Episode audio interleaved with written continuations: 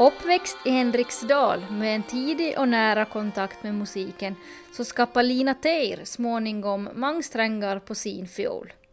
Idag är hon musiker, berättarkonstnär, dramalärare och initiativtagare till bland annat mänskliga rättigheter-kampanjen We See You, sin berättarföreställning i Trädgården och så förstås Glöd, Österbottens berättarcentrum. Och i det här andra avsnittet av Glöds nya podcast med mig, Ida Berg, så ska Lina först berätta varför det var viktigt för hon att starta Glöd. Jag studerade berättarkonst som en del av en bachelor i drama och teaterkommunikation i Norge för 10-12 år sedan. Och sedan kom jag tillbaka till svensk Finland och till Österbotten och var inspirerad till att fortsätta med muntlig berättarkonst bland annat och på olika sätt men märkt väl att det finns inte riktigt en plattform för det och finns inte så mycket vad ska man säga, lite formell kunskap om och, och liksom en konstnärlig in, inställning eller vinkling på det. Uh, och inte så mycket liksom infrastruktur för det heller uh, i svensk Finland och Österbotten. Så, så då jag och Ann-Louise träffas då och insåg att vi hade samma intresse för berättande så, då, så så, så såg jag på något sätt att hitcha som jag längtat ganska länge och kanske kunna börja vara sann. Alltså att olika människor som på olika sätt är engagerade inom berättande kan hitta likasinnade och att vi kan eh, ha både konstnärliga utvecklingsprojekt och, och med en social aspekt inom berättande och så där. Vill du säga en eh, konkret ambition som du har med glöd? Nå, en är väl nog hitcha att Eh, man överhuvudtaget skulle förstå kanske i svensk Finland att muntlig berättarkonst är en egen konstform som, eh, som inte bara handlar om att vi liksom sitter i en ring och berättar vardagligt för kvar, utan att just själva hon är liksom kärnan i hur man använder sig av eh, iscensättelse och dramaturgi och, och publikkontakt och så vidare till en egen, en egen konstform som kan utvecklas och som skulle behöva få en plats på scener. Det är någonting som jag tycker ska vara, vara fint.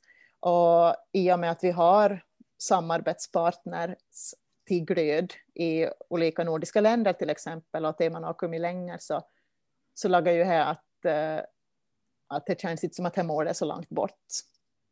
Men, eh, men det krävs liksom att vi hittar ett språk för det och, och just eh, en begreppsvärld liksom inom, inom muntliga berättande som en konstform och, att, att vi hoxar upp att det gärna som kan vara en konstform. Varför tror du att vi inte också på en? Det är ju det som är märkligt med berättandet, det är ju väldigt, eh, väldigt närvarande hela tiden och alltid. Allihop berättar precis hela tiden. Men eh, jag vet inte heller vad muntligt berättande var på det sättet för jag själv lite av en slump då skulle välja en fördjupning på ett halvår inom mina studier och så, så tog jag nu berättandet och en tänkte att ja, no, Hitche lär man väl sig första veckan ungefär, ska jag hålla upp en termin med Hitche. Uh, för att uh, hej är ju en ganska, på ett sätt, kanske då smal konstform och som sagt, märkligt nog samtidigt kanske det mest breda och djupa och mest långvariga vi har hållit åt med. Då gäller det hur vi förmedlar berättelser. Men berätt, för du studerar berättande en hel termin. Vad gör man och, och vad är någonting du varit förvånad över om du hade tänkt att du skulle göra det på en vecka? Nej, det var ju just hitche att, att hela liksom hantverket inom det. Både hur du bygger upp en berättelse dramaturgiskt och, och hur du tänker då kring iscensättande och förmedling och det själva på scen. Men sedan handlar det ju om den stora berättelsen. Vad väljer du för berättelser och varför vad, vad vill du med det du ställer upp och berättar? Och vad skapar du för helhet? Vad utvecklar du för eh, personlig berättarstil?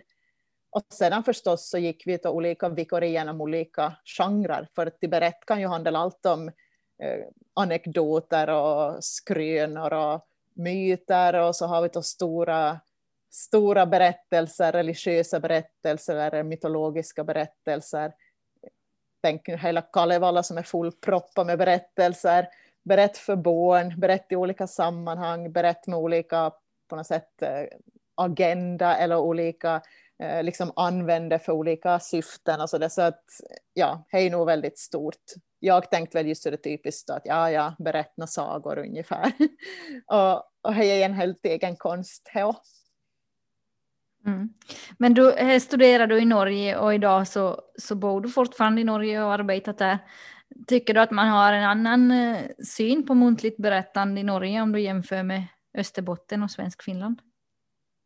No, Norge är ju större så på det sättet så finns det ju lite mer men Norge är ju ganska jag skulle väl säga att det är väl gått lite olika vågor hit med muntligt berättande och jag finns, fick som en revival på 60-70-talet och sådär och, och nu skulle väl jag säga att, det, att jag tycker med si att det börjar komma kom på nytt.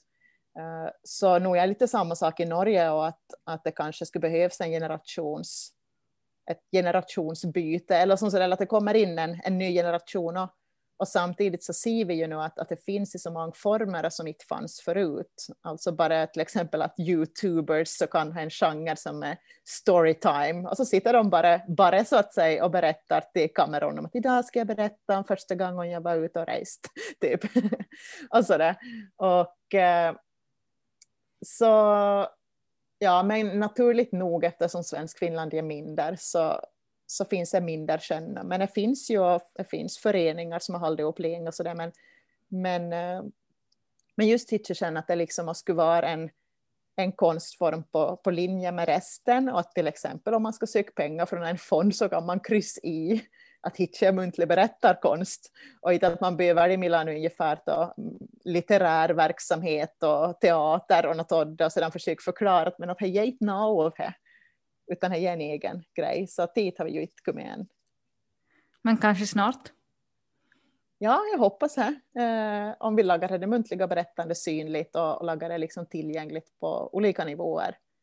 Så ja, då finns det som sagt, det är ju här att vi har några ord för det, vi har några exempel för det, vi har några upplevelser kring.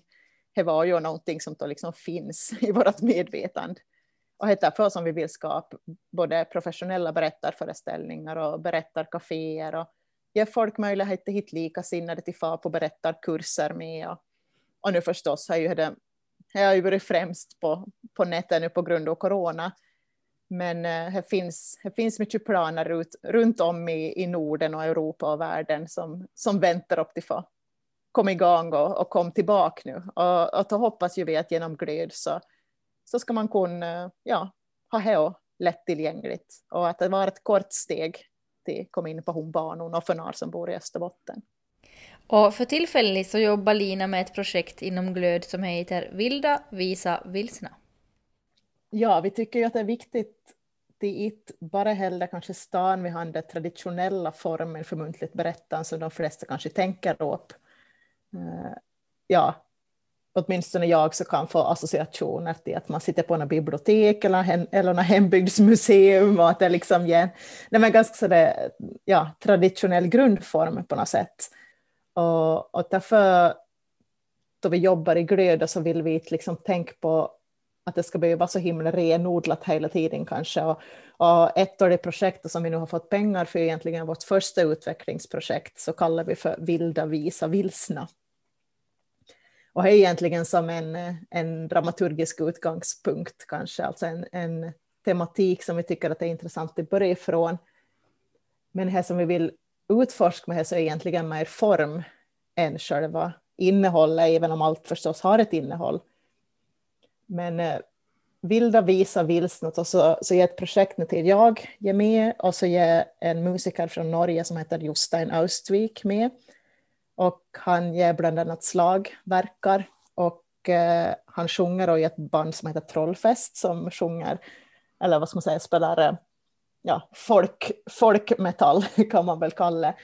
Och, och som, ja, som producerar musik och spelar ett instrument som jag tycker är väldigt intressant och roligt som heter daxofon, alltså ett saxofon. Utan det handlar om att man spelar med med stråkan öppna träbetar som är eh, kopplade upp till en, eh, liksom en förstärkare, vilket lagar att man får sig ganska djuriska ljud på något vis ur hitche. Eh, så han och jag har spelat en hel del nu i Oslo, där jag ju bor. Och sedan har vi tagit med oss eh, två konstnärer från Österbotten, Susanne Marins och Carla Fri, som båda två är skådespelare men också sysslar med musik och eh, har ett intresse för eller har redan gjort några projekt som på något sätt innehåller berättande. Så, så i det här projektet så vill vi, vill vi undersöka vilket slags kollektivt berättande vi kan skapa och hur vi kan eh, prova olika möjligheter för att involvera publiken i en föreställning. Och, eh, och det handlar ju mycket om, om synen på konst som en, en, liksom en social händelse, en, liksom en relationell aspekt i det som jag tycker är intressant. Och, och det är väl därför jag tycker att, att just muntliga berättarkonsten och eftersom jag tycker om människor och vill vara i kontakt med människor så ger ju muntliga berättarkonsten ofta en större möjlighet kanske att titta bort från den fjärde väggen helt. Eh, och den skulle jag vilja experimentera ännu mer. Liksom. På vilket sätt kan man involvera publiken i både vilken berättelse som skapas kanske och hur den iscensätts och hur kvar och en reagerar på den. Och, och då man då pratar om mycket projektet så är det ofta så att ja, men betyder det att man måste berätta en massa om man kommer på det? Och det betyder det ju inte, men hur kan vi ändå genom dramaturgin och de liksom, sceniska val vi tar Eh, för att det var en upplevelse som det känns som att man har varit med om och inte bara skåda upp. Så här är väl något som jag verkligen går igång på nu, och, och, just uh, som en del av är alltid det musikaliska och eh, uh, ibland musik och berättande och uh, på något vis så är det liksom rituella som det kan vara. Men finns det en utmaning med, med som berättar, projekt i Österbotten just med att man kanske ja, nu ska jag inte dra all österbottningar över samma kam, men att man är kanske lite, att man tänker sådär att ja men vad har jag till berätt, eller vad, inte har väl jag något i sig. Nej, det är väl just det att eh, för det första så gäller det väl hitcha liksom kontraktet man har med publiken. Eh, jag skulle aldrig vilja till exempel kalla för något liksom att komma med och skapa en föreställning eller vi vill höra till en berättelse. För det första för att det inte är sant, för att det finns inte en i förväntan att man ska berätta, utan du kan liksom vara involverad och känna dig involverad på många sätt utan att du behöver lämna ut det själv. Eller utan att du behöver liksom komma upp någonting spännande eller, eller liksom det. Så, att, eh, så jag tror det är viktigt att det liksom kommuniceras ordentligt för att några överhuvudtaget ska våga komma. uh, och så är det andra just att uh, ja, man behöver ju känna sin publik och man behöver undersöka sin publik och man behöver test. Och därför jag hittar ett utvecklingsprojekt och vi kallar våra genomföranden för demos, inte för liksom färdiga föreställningar, utan vi forskar, det är som ett laboratorium. Vad händer om man tar in några konstnärer och lite berättelser och lite instrument och lite färdiginspelade saker och lite perspektiv och en tematisk utgångspunkt. Vad händer om man tar in här med sin grupp i människor? Vad börjar utspelset då och vad kan vi då som jobbar med Hitchcock kan vi lära av här så att vi just då kan med tiden utveckla ett koncept som passar precis för sin publiken. Så jag hoppas ju att det gäller glöd att med tiden ska vara många konstnärer i Österbotten som ännu mer inspireras till att använda det på sina olika sätt. Att det är inte meningen att vi ska liksom renodla i en rätt form, utan eh, ja, förhoppningsvis på det här sättet och tänd elder och tänd glöd då helt enkelt, så att folk får liksom utgå från sin egen inspiration. Men varifrån får du tätt driv och tinglöd?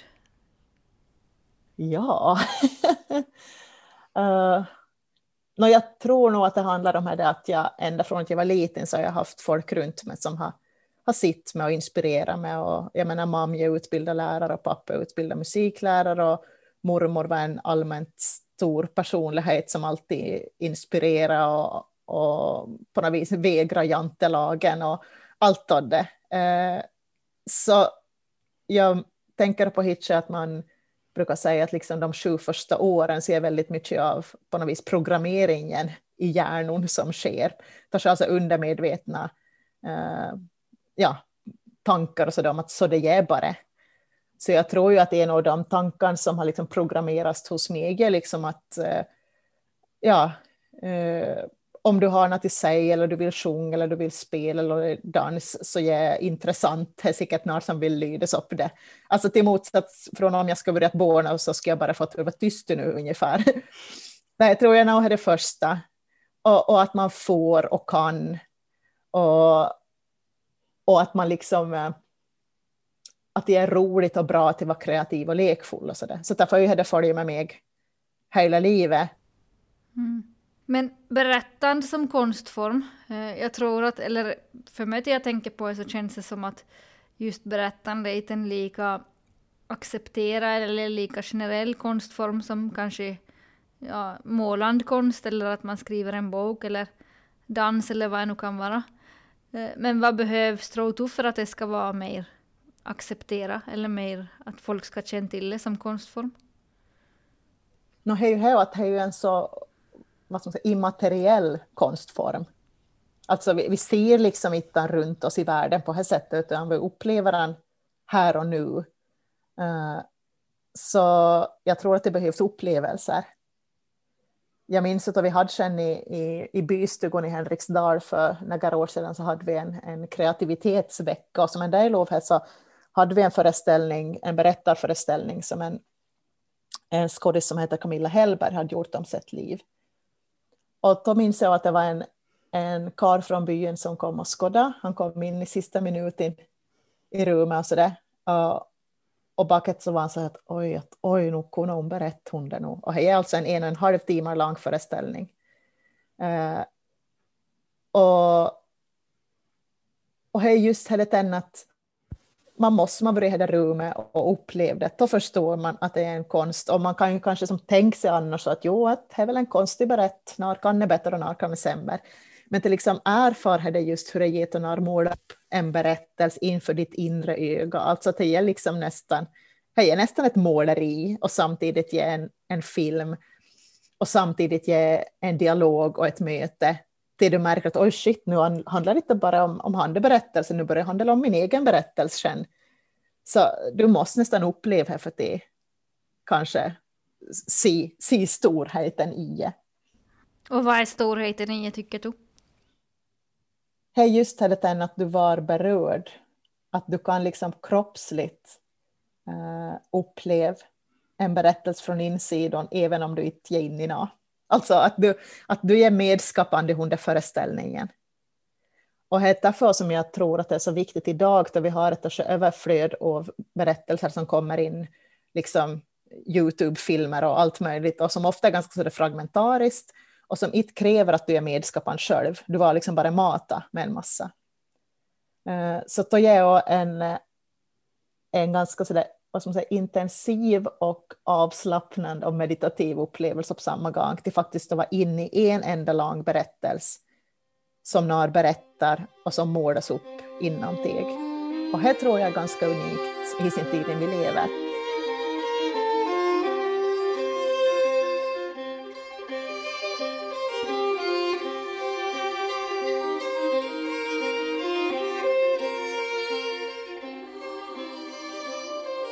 Jag tänkte att du ska få berätta en personlig berättelse.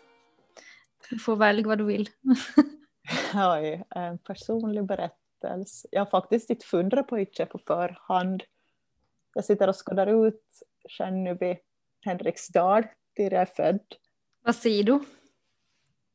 När jag ser, jag ser snöjen och så ser jag gränsskogen längst bak och så är himlen en aning rosa. Och så ser jag ljuset som man säkert kan se ända från Skaftungby eh, till det havet. Så ja, alltså jag tror ju att jag nästan, jag måste nästan berätta om Sven och Fjolin. uh, för Sven bodde nämligen i, i granngården sen, som jag ser om jag skådar ut lite åt sidan genom hyttfönstret. Och och då jag var tre år gammal så flyttade vi in i huset som jag sitter i nu. Ett rött hus med kvita knutar och en grön brokvist eh, som husen har i sydöstra botten och så är gult upp till. Och här är papp som har ritat huset som en kopia av ett typiskt Henriksdalshus. Och till hon julen så frågade man då mig vad jag önskade mig i julklapp. Och jag sa att jag önskade mig en fiol. Och så kom julen och så kom julbotchen med ett litet paket. Och i det paketet så var det en fjol. Och då fick jag börja vänta. För man får inte gå på fjolkurs förrän man är fem år, sa pappa. Och det handlar ju om finmotoriken och, Och, så där. och det är ju en enormt lång tid om man är tre år, alltså jag fick vänta i två tredjedelar till om ett liv. Men sedan då 1987 i juli och sommaren så fick jag fara med papp till Ytamarchen i Närpes till SÖF på Martin Wegelius institutets fiolkurs. Och då jag kom dit då, så, så minns jag väldigt bra att det klassrummet som vi skulle vara i då, det var fullt av barn. Större barn och mindre barn och större fioler och små fioler. Och, och jag då Musse Pigg t-skjortan och kjolen som mamma hade sömat. det långa blonda håret mätte och hon är liten fiollådan. Och fiolläraren hette Lena och hon hade då en dotter som hette Lovisa som var lika gammal som jag. Och eh, han den första dagen så fick jag lära mig att strängar heter A och E och G och D.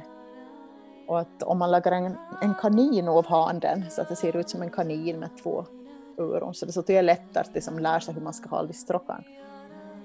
Och så tror jag att vi lärde oss hur man skulle buga och tack för applåden. Och sedan får vi då tillbaka hit, jag och pappa. Jag gissar att jag somnade i baksätet, för här brukar jag alltid, säkert med håret kladda mot fönsterrutan. Och så kom vi upp till gården tillbaka och, och mamma kom ut och sa att nu får du komma in ut och äta och boj kanske en smörgås.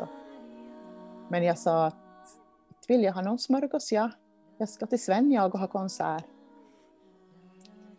Och Gunvor och Sven så här var alltså ett par som bodde sen i granngården i ett annat rätthus. Och Gunvor delade ut posten och psykar i byn sen. Och Sven var bond. Och så hade de en arbetshäst som hette Pili. Så då jag berättar Hitche så kände jag mig väldigt, väldigt gammal som har haft en grann med en arbetshäst. Och Sven hade då ett stort intresse och det var till radvärdin. Och det var stora raka högar som man såg ända ut till landsvägen. Och jag tror att om Nari i dalen, Henriksdal, hör hitchen så känner all återhitcher. Jo, Svennas, Svennas verradan. Och hissen dag inte kom vi till Hanta med fjollådor så, så då slutade han radväddin och så säste han ner på bronslocket och så lagade han ett ben när vi hade Anna. Och så sa jag att nu ska jag spela för det, för idag har jag lärt mig till spel fiol. Så Sven han tände i en tobak, han brukar röka det orangea Norty, det är starka tobak. Och jag tog fram fiolen och så började jag spela. Och ja, jag tror att eh, kvar och en som lydes kan tänka sig hur det lät.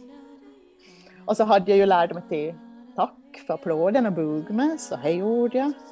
Och Sven applåderade och jag tyckte att det verkade som att han kanske ville ha en till låt, så jag, jag tog en till. Och han lät ju ja, som man låter då man har lärt sig till spelfiol samma dag och så var han färdig och jag bugade med och Sven applåderade och jag tyckte att det låter ju nästan som att till som publiken skulle vilja ha mer så jag tog en till låt. Och så tog jag en till och så tog jag en till och så tog jag en till. Och mamma och pappa stod och skådade i trädgården. Och de har berättat för mig att han konsert inför Sven tog ungefär 45 minuter. Och När jag tänker tillbaka på Pitcher så, så var jag fortfarande ofta rörd fast jag har berättat om historien många gånger. För att jag tycker att det är en så otrolig gåva till Gev, till Sess och Bronslotte och Lydes. Och eh, det är inte en slump att jag har Spela mycket och berätta mycket och dansa mycket och laga mycket teaterstyck och klädd ut mig och undervisa mycket. För jag har haft så många runt mig som har velat lydas. Och det har ofta säkert låtit som det låtit om man har spelat fiol i en dag. Och när jag var 15 år så död Sven. Han fick lungcancer. Och i före detta skolan sen i Henriksdal i bystugan som vi kallar hon så hade vi en minnesstund. Och då spelade jag fiol för Sven. Och det är ju något med det på något vis som jag skulle vilja att det skulle vara. Att vi berättar och lydes. Och att vi tar fram fjorden, eller vad nu ger vi tar fram, då det liksom behövs. För glädje och för sorg och för coronafrustration och för framtidstro. Och, och att vi som samlas i det. Och att vi lättare kommer ut i möte med han Darin istället för att gå runt och, och trycka på allting som livet liksom kan komma med. Så, så därför jag i sin berättelsen för mig ja, det är ganska mycket allt jag håller upp mig på något vis. Nästa avsnitt av Glödpodden hör du om exakt en månad, alltså 15 april. Tills se får du gärna få in på Glöds hemsida www.berattarglod.com. Där hittar du mer info om både Glöd och om den här podden. Tack för att du har lyssnat. Hej då!